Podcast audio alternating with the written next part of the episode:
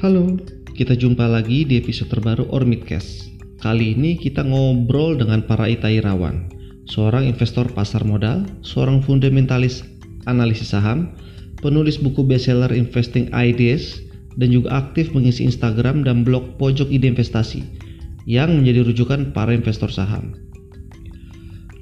Para hitairawan cukup dikenal di kalangan investor saham karena objektivitasnya dalam milih emiten, serta secara reguler sharing ke knowledge terkait urusan saham.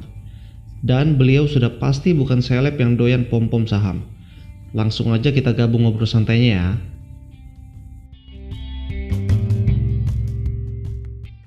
Uh, gimana sih cara ngambil keputusan investasi dengan baik? Uh, faktor apa nih yang harus diperhatikan kira-kira? Pertama kalau kita investasi itu uh, memang pertama dari pola pikir. Jadi investasi ini memang pada dasarnya kita kan ingin mendapatkan sesuatu yang lebih ya dibandingkan yang kita miliki saat ini. Kita memang harus punya pola pikir yang benar gitu. Kalau kalau saya sendiri memang kalau gimana caranya bisa survive dulu. Karena memang kalau saya mati ya banyak ya yang orang-orang yang baru mulai gitu ya berinvestasi mungkin di saham mm -hmm. itu sering banyak yang fail. Jadi mungkin senang gitu ya ketika market sudah lagi bullish dan pas mereka masuk itu banyak sekali saya lihat. Ngerasa ini gampang banget ya di sini ya ternyata ya. Nggak kayak gitu ternyata gampang pikirnya. Okay. nah ini biasanya berbahaya sekali sih kalau yang ketemu yang seperti ini. Karena ketika mereka ngalamin market koreksi gitu ya even mungkin nggak terlalu parah pun itu bisa bikin trauma. Nah okay. karena memang itu kalau nggak mau belajar artinya memang kita pola pikir yang benar artinya memang investasi itu memang nggak selamanya mudah, nggak selamanya susah juga gitu. Hmm, hmm, hmm, nah itu yang aku lihat. Itu pertama kali itu pola pikir itu memang harus benar duluan dari awal. Latihannya sorry, terima, latihannya seperti apa nih kalau pola pikir nih? Apa yang harus ya, dipersiapkan? Dari awal ya memang kan memang kita harus ya kadang-kadang memang uh, ada orang yang memang pada dasarnya memang udah terbiasa ya. Dia itu secara nggak sadar tuh dia mungkin investasi atau punya pola pikir gini ya misalkan kayak dia cari harga barang yang murah dan kemudian ini nggak mungkin harganya ini semurah ini. Kalau artinya dia oh, kalau segini itu pasti jual apa pasti ini harganya murah udah tahu gitu ya. Ada orang yang kebiasaan hmm, seperti hmm, itu. hmm. tapi kalau yang umumnya orang memang kan nggak sampai segitunya gitu ya. Jadi yes. dia ya sudah jalan aja gitu ya. Itu orang biasa ya. Nah itu ketika investasi mungkin nanti dia mikirnya nggak seperti itu. Artinya oh ya ini kata orang ini bagus bagus ya aku belilah aku belilah aku nggak ngerti ini barang apa ini yang aku beli gitu. Itu yang sering kejadian seperti itu. Jadi ketika market koreksi dia nggak ngerti lu ini barang harus aku apain? Nah, itu yang paling paling sering saya kejadian gitu. Ketemu orang terus dia eh, ini mas atau pak gitu ya pokoknya. Mm-hmm. ini aku kemarin beli beli harga segini. Oh mahal mahal banget belinya gitu ya ya kan kemarin gua ada beli rame-rame terus sekarang udah nyangkut akhirnya ini harus diapain kan bingung juga kalau kayak gitu loh dasarnya kemarin beli apa yeah, gitu yeah, yeah. Mm, itu itu yang yang pertama-tama harus benar itu di situnya dulu gitu loh sebelum kita belajar macam-macam menurut saya oh. ya psikologi hmm. dan tujuan berinvestasi yeah. ya harus ditetapkan ya. Iya jelas. Oke. Okay, okay. Nah tadi kan iya. Bro Parita kan menemukan kasus banyak orang yang setelah beli dan tiba-tiba tidak sesuai ekspektasi dan mereka ternyata bingung barangnya ini mau diapain. Kalau dalam kasus seperti itu itu sebenarnya memang sudah harus cut loss atau memang ada time frame yang harus kita tunggu di rentang waktu sekian lama. Gimana kok menurut Raita? Um, kalau mau jujur aja ya, Ya. Kalau memang masih mikirnya masih sama seperti itu, ya. sudahlah lepas aja gitu maksudnya. Karena dia dasarnya juga nggak kuat gitu kan mau beli. Udah mending lepas dulu aja. Kamu kamu nggak ngerti itu. Ini harga bakal balik apa enggak juga nggak ngerti kan? Yes. Karena dia dasarnya nggak ada. Mm -hmm. hmm, akhirnya mending refresh. Coba tenangkan dulu pikiran gitu ya artinya.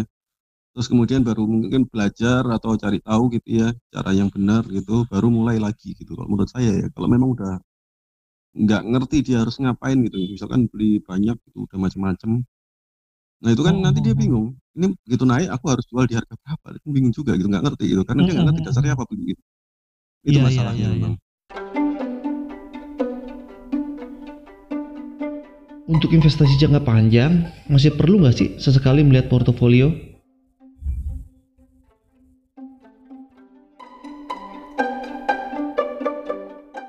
Uh, Bro Parita, ini kan banyak investor di pasar modal ini menganggap investasi jangka panjang ini merupakan sesuatu yang membosankan karena harus menunggu hingga rentang waktu tertentu agar tercipta apa value yang Mhm. bagus.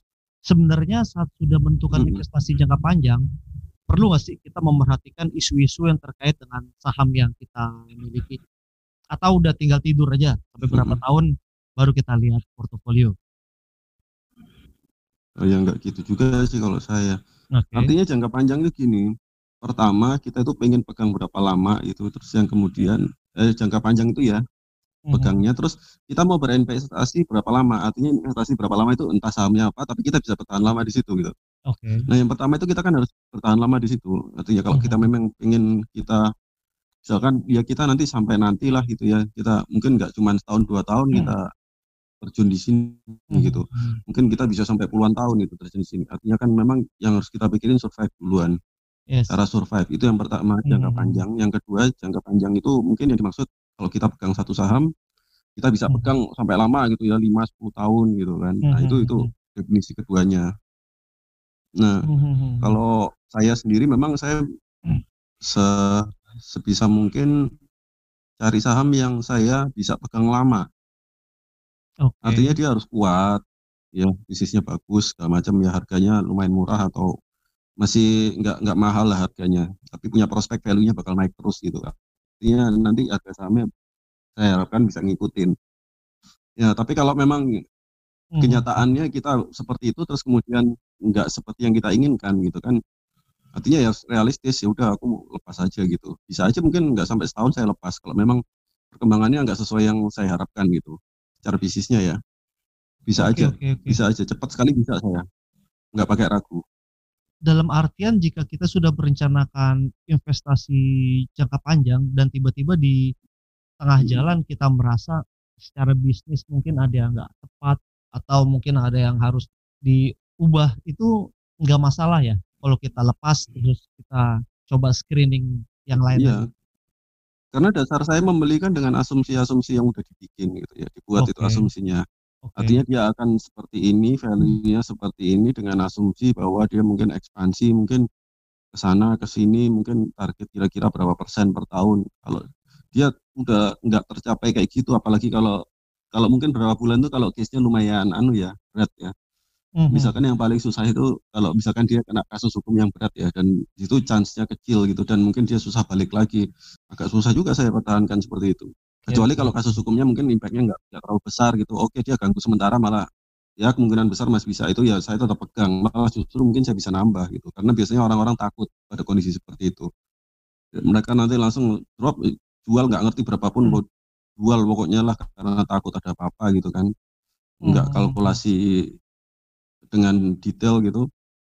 Ya itu justru kesempatan gitu karena kita tahu ini paling kasusnya Mhm. impact-nya cuma segini deh. Iya. Heeh, kalau dia udah lebih turun dari itu udah nggak masuk akal itu bisa saya beli begitu. Ya itu itu yang sering nggak diperhatikan orang memang. Tapi kalau Mhm. memang kasusnya berat ya mungkin dalam jangka pendek ya bisa aja saya jual. Tapi kalau cuman sementara kayak cuman kayak siklus ekonomi gitu ya, artinya Mhm. memang siklus ekonomi hmm, dia mungkin nanti akan turun, ya semuanya juga turun gitu ya, termasuk yang ini. Masa saya lepas gara-gara itu. Apalagi dia kemungkinan bertahannya besar gitu ya. Mungkin nggak nggak perlu bayar utang gede-gede gitu, bayar bunga utangnya nggak terlalu gede gitu. Mhm. Seandainya dia nggak ngapa-ngapain juga duitnya untuk operasional masih ada kayak gitu. Ya itu kan masih chance-nya masih gede gitu loh. Karena dia masih punya pabrik, masih bisa berjalan seperti biasa gitu.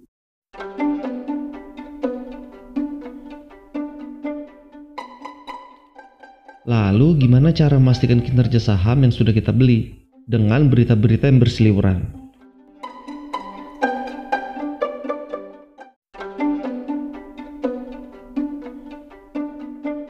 Masih perlu dipantaukah berita-berita tersebut? Nah, ini kan bagian-bagian seperti Kayak ini gitu. kan yang sebenarnya nih cukup dijabarkan secara jelas di laporan keuangan ya, dan kita bisa berasumsi Mhm. berangkat dari sana. Cuma kan banyak mungkin investor yang terjun ke pasar modal nih sering kali bukan lebih senang ya, tapi memang lebih memperhatikan pemberitaan-pemberitaan dan sehingga akhirnya di tengah jalan jadi jadi orang linglung ini sebenarnya dipegang lama atau dilepas. Iya, karena itu memang jujur aja karena memang itu gampang kalau cuma Mhm. kita lihat kayak gitu gitu loh. Oke. Artinya lihat dia mau ada dapat kontrak apa, oh pasti naik, nggak tahu naiknya seberapa. Yes. Ya memang dia akan naik bagus bisnisnya, tapi seberapa besar itu yang lebih penting. Artinya ya itu kalau cuman kita oh naik ya udah aku ikut aja gitu kan. Artinya ya udah ikut orang-orang, orang-orang juga pada beli dan harganya naik nggak salah lah gue gitu. Pasti kan mikirnya gitu. Mhm, Nah, mhm, ya mhm. itu kan nanti kan nanti dia bingung. Misalkan gini, katakanlah dia mungkin mentok misalkan di harga normal itu mungkin dia harganya seribu katakanlah. Dia wajarnya di harga seribu. Kemudian Mhm. ada kontrak atau mungkin dia dapat apa mungkin harga eh, komoditas itu atau apa yang Mhm. dia bisa bikin dia naik itu kita kalkulasi oh seribu oh, dia bisa naik ke seribu lima ratus oke value-nya itu di Mhm. antara seribu sampai seribu lima ratus Mhm. nah itu yang kita pegang itu itu nanti eh, yang sering kejadian di market itu itu bisa dilariin sampai 2000 3000 padahal dia sebenarnya cuman Mhm. dengan prospek yang ada yang even udah memfaktorkan apa yang akan bisa dapat dia dapat di bisnisnya yang baru itu Mhm. paling 1500 Yes, itu yes. problemnya biasanya Mhm. jadi saya kadang-kadang suka ikut kayak gitu juga artinya memang oh ini bagus gitu jadi ikut beli oke ini rame lagi rame jadi saya nggak anti yang sama-sama rame-rame kayak gitu ya tapi asal Oke. asal tahu dia batasnya itu seberapa gitu. Mhm. jadi begitu mungkin 1500 ya udah saya jual aja lah. Ya kalau orang-orang mau sampai naik-naik ya mungkin nggak ada nggak tertutup kemungkinan tuh bisa sampai tinggi sekali bisa aja. Tapi saya dasarnya nggak ada gitu. Apa dasar saya? Greedy itu yang bahaya kalau untuk seperti ini.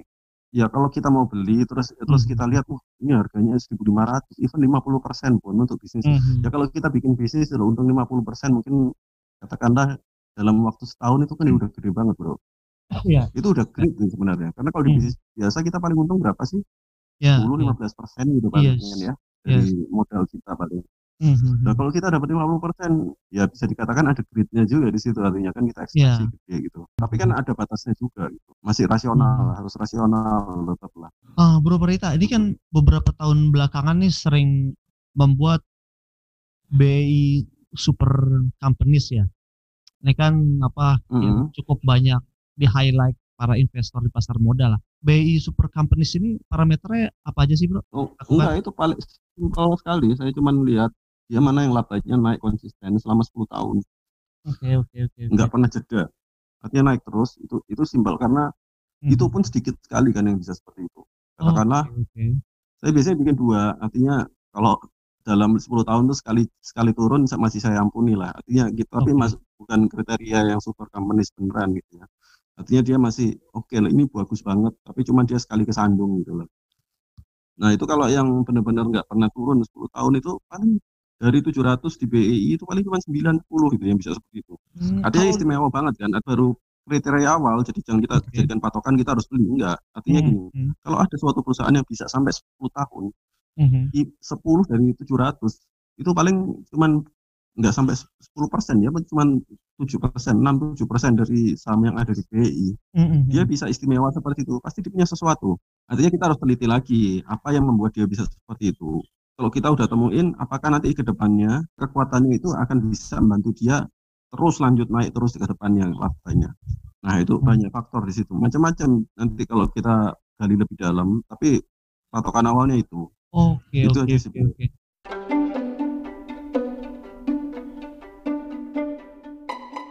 Apa saja nih emiten-emiten yang masuk dalam bursa efek Indonesia Super Companies? Kalau untuk tahun 2020 pernah super companies ada berapa? Kan laporan belum keluar cuman kalau lihat Oke. eh, ini sih pasti jangan-jangan cuman empat atau lima palingnya masuk ya soalnya dari- sampai kuartal tiga kemarin saya lihat banyak yang turun ya ya itu jelas lah Ah. artinya eh, eh, bukan berarti itu jelek gitu karena dia mungkin Mhm. ya istilahnya yang tadi saya bilang itu kategori sekali kesandung tadi artinya itu tapi ne- nextnya kalau memang kondisi bisa stabil lagi dia akan naik lagi nah itu itu bisa kita perhatikan Hmm. Artinya jelas ya, memang dia Mm-mm. cara bisnis itu cuman sandung ya, bukan sampai jatuh gitu ya. Artinya kalau jatuh itu kan misalkan sampai gulung tikar atau udah nggak bisa bayar utang gitu, wah itu itu berat sekali. Itu masalahnya beda banget nanti kita menilainya. Tapi kalau dia cuman ya ini untungnya turun nih gara-gara ini ya artinya tapi cara operasional dia masih jalan biasa bagus gitu. Berarti kalau untuk BI super companies kan bukan berarti kita harus beli, tapi mungkin jadi lebih mempersempit uh, scope emiten yang akan kita Ya. perhatikan ya untuk diteliti lebih dalam ya. Iya, Oke. salah satunya itu. Investor pasar modal pasti mengenal Warren Buffett lah. Udah know him gitu. Itu kalau menurut Bro Hita apa sih inti dari ajaran Buffett agar bisa diaplikasikan oleh investor pada umumnya? Nah, ini yang sering orang memang agak-agak terlalu mensimplifikasi ya. Mhm. Artinya satu prinsip utama yang dipegang yang paling susah orang enggak eh, paling susah orang ngikutin itu. Mhm. Kita harus bisa mis- misahin bisnis sama harganya sahamnya. Artinya aku enggak peduli harga sahamnya berapa, aku cuma lihat bisnisnya. Oke. Itu enggak gampang kenyataannya. Kalau harga turun itu kita kan takut gitu ya. Iya. Artinya kita harus bisa misahin. Itu prinsip, prinsip pertama. Yang kedua memang dia cari bisnis yang bagus. Artinya whatever happen gitu ya di Mhm. eh, bursa gitu. Mhm. Artinya bisnisku tetap bagus, aku nggak masalah gitu. Tapi harus yakin ya, karena nggak semua orang mungkin punya kemampuan, punya keyakinan seperti dia. Itu memang nggak gampang. Eh, Mhm. Yang sering kejadian kan kita pengen ikut gitu ya Warren Buffett. Oke, aku cari perusahaan yang bagus, Yes. harganya murah, terus harganya Hmm. jatuh. Terus yang kalau orang biasa kan kalau kepikirin no- yang normal gitu ya, maksudnya kayak kita gitu ya, biasa pasti mikir kemarin aku salah ngitung di mana ya, apa yang aku pikirin salah gitu ya. Kan pasti selalu ada kayak gitu ya. Iya, iya. Cuman even kayak dia pun memang ngakuin kalau masa depan itu ya abu-abu pasti. Kita nggak akan bisa sepenuhnya yakin 100% itu akan terjadi. Even mungkin mungkin chance-nya cuma 60%, 70% gitu artinya. Dan itu kalau kayak gitu itu kita main nanti di manajemen risikonya gitu artinya. Kalau kita yakin cuma segitu Mhm. 60% gitu ya. Jangan banyak-banyak dulu lah taruh di situ gitu ya artinya ya. Tapi kalau kita yakin sekali itu ya mungkin bisa lebih banyak. Ya prinsipnya seperti itu. Nah itu itu prinsip yang dari dia pegang perusahaan yang bagus harganya itu ya wajar lah kalau bisa murah karena Nah, gayanya oke, dia oke. sama dulu itu beda jadi kalau Hmm. dia awal-awal itu kalau boleh cerita dia gayanya itu Hmm. kan masih kayak Ben Graham ya jadi Iya. dulu perusahaannya kayak gimana selama dia murah dia beli whatever even kayak Mhm. Ben, Ben Graham itu kan seperti itu tapi Mhm. resikonya kan gini kalau bisa aja itu perusahaan itu memang murahan gitu artinya Ya. murah karena murahan seperti yang aku bilang tadi kita harus Mhm. minimasi minimi- minimisasi resikonya artinya minimis itu artinya dia tuh bisa beli sampai ratusan saham loh bro. Dan 100 bisa dia. Oh. artinya karena dia tahu resikonya. Makanya dia kalau aku cuma pegang satu dua kayak gini mampus lah kalau satu aja kayak gitu kena ketemu yang memang hancur gitu ya murah. Nah itu Bu- Buffett dulu ngikutin seperti itu. Terus kemudian dia lama-lama mikir mungkin dia ketemu Mangger juga ya Charlie Mangger. Mhm. artinya kamu kalau beli kayak gitu itu ya harus beli banyak dan eh, kenapa nggak cari yang sahamnya bagus yang bisnisnya bagus gitu loh wonderful dia bilang oke Mhm. terus dia percaya akhirnya ikut ya akhirnya berubah lagi dia evolusi lagi Mhm. udah nggak ngikutin Ben Graham untuk seperti itu ya Hmm. nah eh, tapi yang prinsip yang pasti yang masih diikutin ya margin of safety artinya memang harus beli harga murah ya daripada value-nya Eh, dan kemudian prinsip kayak Mr. Market itu ma- market itu buat ngelayanin kita bukan kita ngelayanin pasar itu prinsip utama. Yang sering kejadian kan orang kita ngelayanin pasar. Harga mau naik kita beli. Kita harga ini naik naik kita beli. Jadi kita ngikutin pasar artinya. Kita mikirnya bisnisnya artinya kita tahu harganya 2000 kemudian jatuh ke 1000 ya kalau kita mikir logik ya rasional nih kita beli kan. Mhm. tapi kan kita nggak gampang untuk dapat kesimpulan dan yakin bahwa itu memang nilainya 2000 masalahnya Oke, itu yang sering kejadian. Secara psikologis pun even kita benar pun kita masih ragu kan kadang nah itu itu yang ngebedain. Kalau dia itu bisa yakin banget ya seperti itu. Ya artinya memang secara filosofis Mhm. mendasarnya memang ya benar-benar paham itu. Prinsipnya itu harus kita pegang kuat gitu. Bahwa memang bisnis itu ngerakin sahamnya bukan saham ngerakin bisnisnya kebalik. Kita nanti ngambil refer cara strategi yang berbeda gitu loh. Bisa aja serah aja sih Mhm. tapi itu strategi yang beda gitu jangan pakai yang ini gitu berat nanti. Malah bingung. Oh.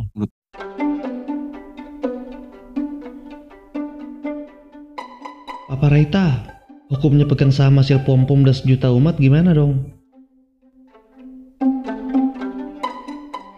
menyambung yang statement tadi ini, ini kan Breeze yang tengah menjadi primadona, sebelumnya KF dan Antam, Mhm. dan juga banyak saham-saham lainnya. Nah ini terkait yang Hmm. statement tadi itu untuk emiten yang telah menjadi saham sejuta umat itu sebenarnya layak nggak sih untuk dikoleksi long term atau kita tetap merhatikan fundamental? Kalau saya sih ya jelas ya ngelihat ya. Artinya itu kan dia naik karena karena orang lihat potensinya bakal tumbuh gede di masa mendatang. Itu ada dasarnya memang. Itu, itu. Tapi seberapa besar dia akan tumbuh gitu. Artinya aku nggak ngerti apakah orang-orang itu beli udah mikirin seperti itu. Artinya Mhm. kalau dia dengan tumbuh itu mungkin nilainya ya 4000 itu katakanlah. Mhm. Tapi orang-orang drive sampai 6000 ya kan nggak match sebenarnya. Ya. Cuman aku nggak yakin orang sampai mikir ke situ. Misalkan kayak Antam gitu. Mhm. dia mungkin karena ada ya Tesla gitulah ya, dia Iya, mau rencana katanya ada katanya ada rencana invest di Indonesia Mhm. sehingga untuk butuh nikel untuk bahan baku baterainya dan Hmm. kemungkinan nanti akan bikin kontrak gitu sama pemerintah ya. Cuman seberapa besar sih dia? Artinya dia itu target dia kan pasti tergantung dari target Teslanya sendiri. Ya. Oh oke nanti saya nanti target sampai tahun segini dia nanti akan jualan mobil segini sehingga saya butuh baterai butuh nikel. Secara kita anu jujur-jujuran aja. Beberapa orang sih yang mikir kayak gitu. Nggak pernah aku se- seperti itu. Belum pernah aku nemu. Ya perkirakan ya. Mungkin kalau analis mungkin paham lah ya karena mereka memang di situ ya. Tapi kalau orang biasa Ya, ya. investor, kalau ditanya itu nanti ada potensi growth sehingga value-nya akan naik. Tapi seberapa besar? Memang nanti dia potensi jualan nikelnya misalkan Antam itu sampai berapa?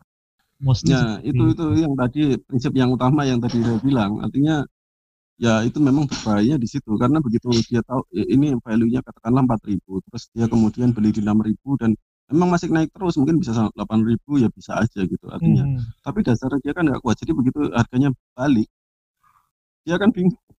Aku harus ngapain? Iya, iya, Pegang, iya, beli, iya. jual. Itu pertanyaannya sering banget ditanyain ke saya. Begitu udah kepentok kayak gitu baru nanya gitu. Terus kemarin belinya kenapa? Itu kan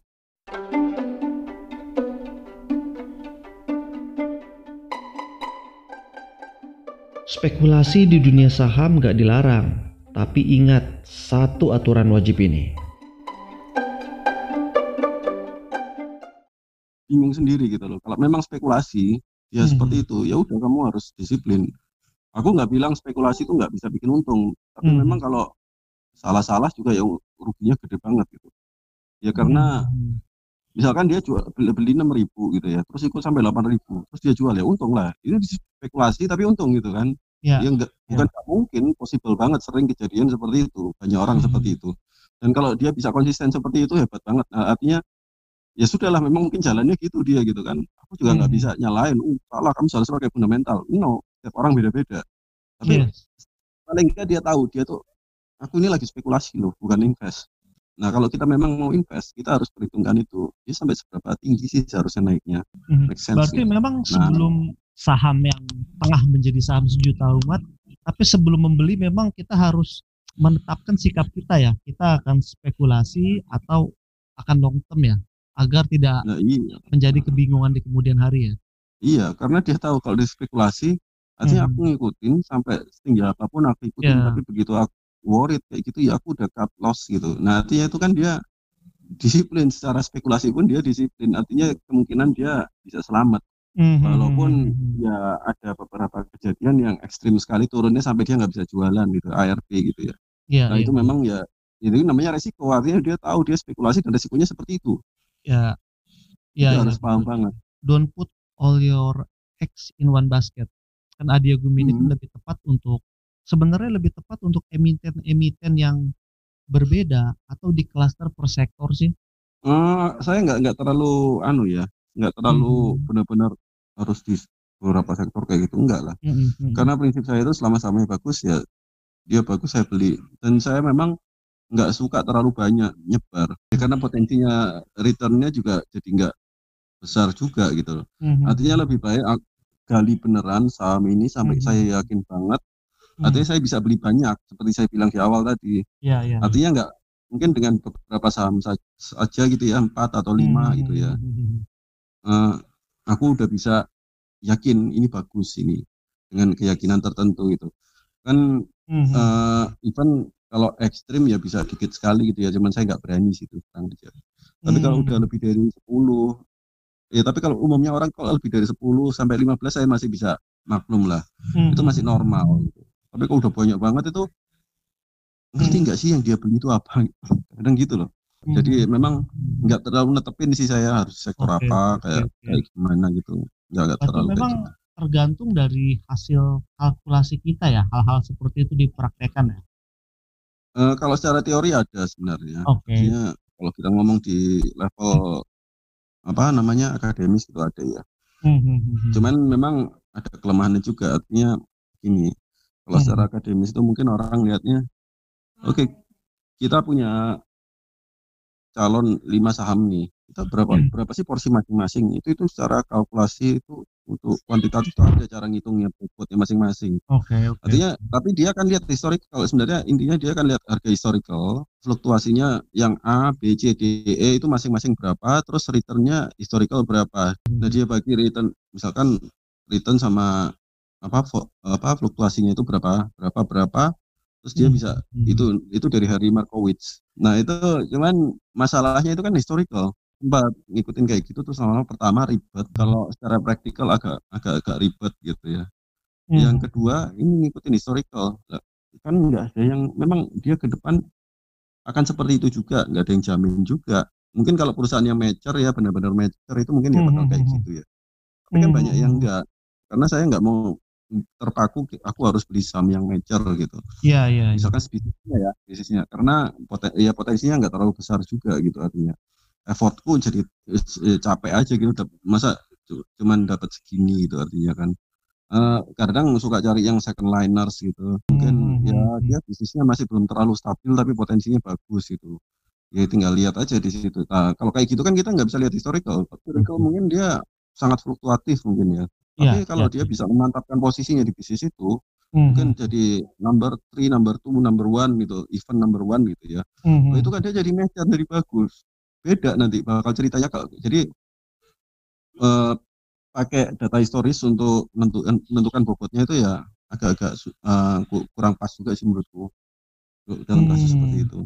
Jadi ya kalau paling gampang kalau saya sih ya itu tadi berdasar keyakinan ya kita yakin Ya. ba- banget itu Hmm. kalau kita memang mau teliti tapi kalau ingin lebih simpel lagi bagi rata aja lima ya masing-masing 20% udah selesai Hmm. nggak usah pusing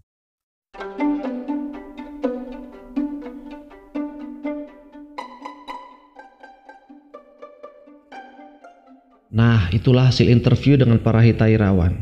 Sebelum closing, saya mau panjang lebar sedikit nih. Podcast or Midcast sudah berjanji don't make stupid people famous. So, kita tidak akan mendatangkan seleb finansial yang ngetrend di sosial media. Tapi suka pom-pom saham gorengan. Yang ujung-ujungnya ngerugin investor retail. Untuk sharing knowledge, kita juga bahas topik-topik berat soal saham.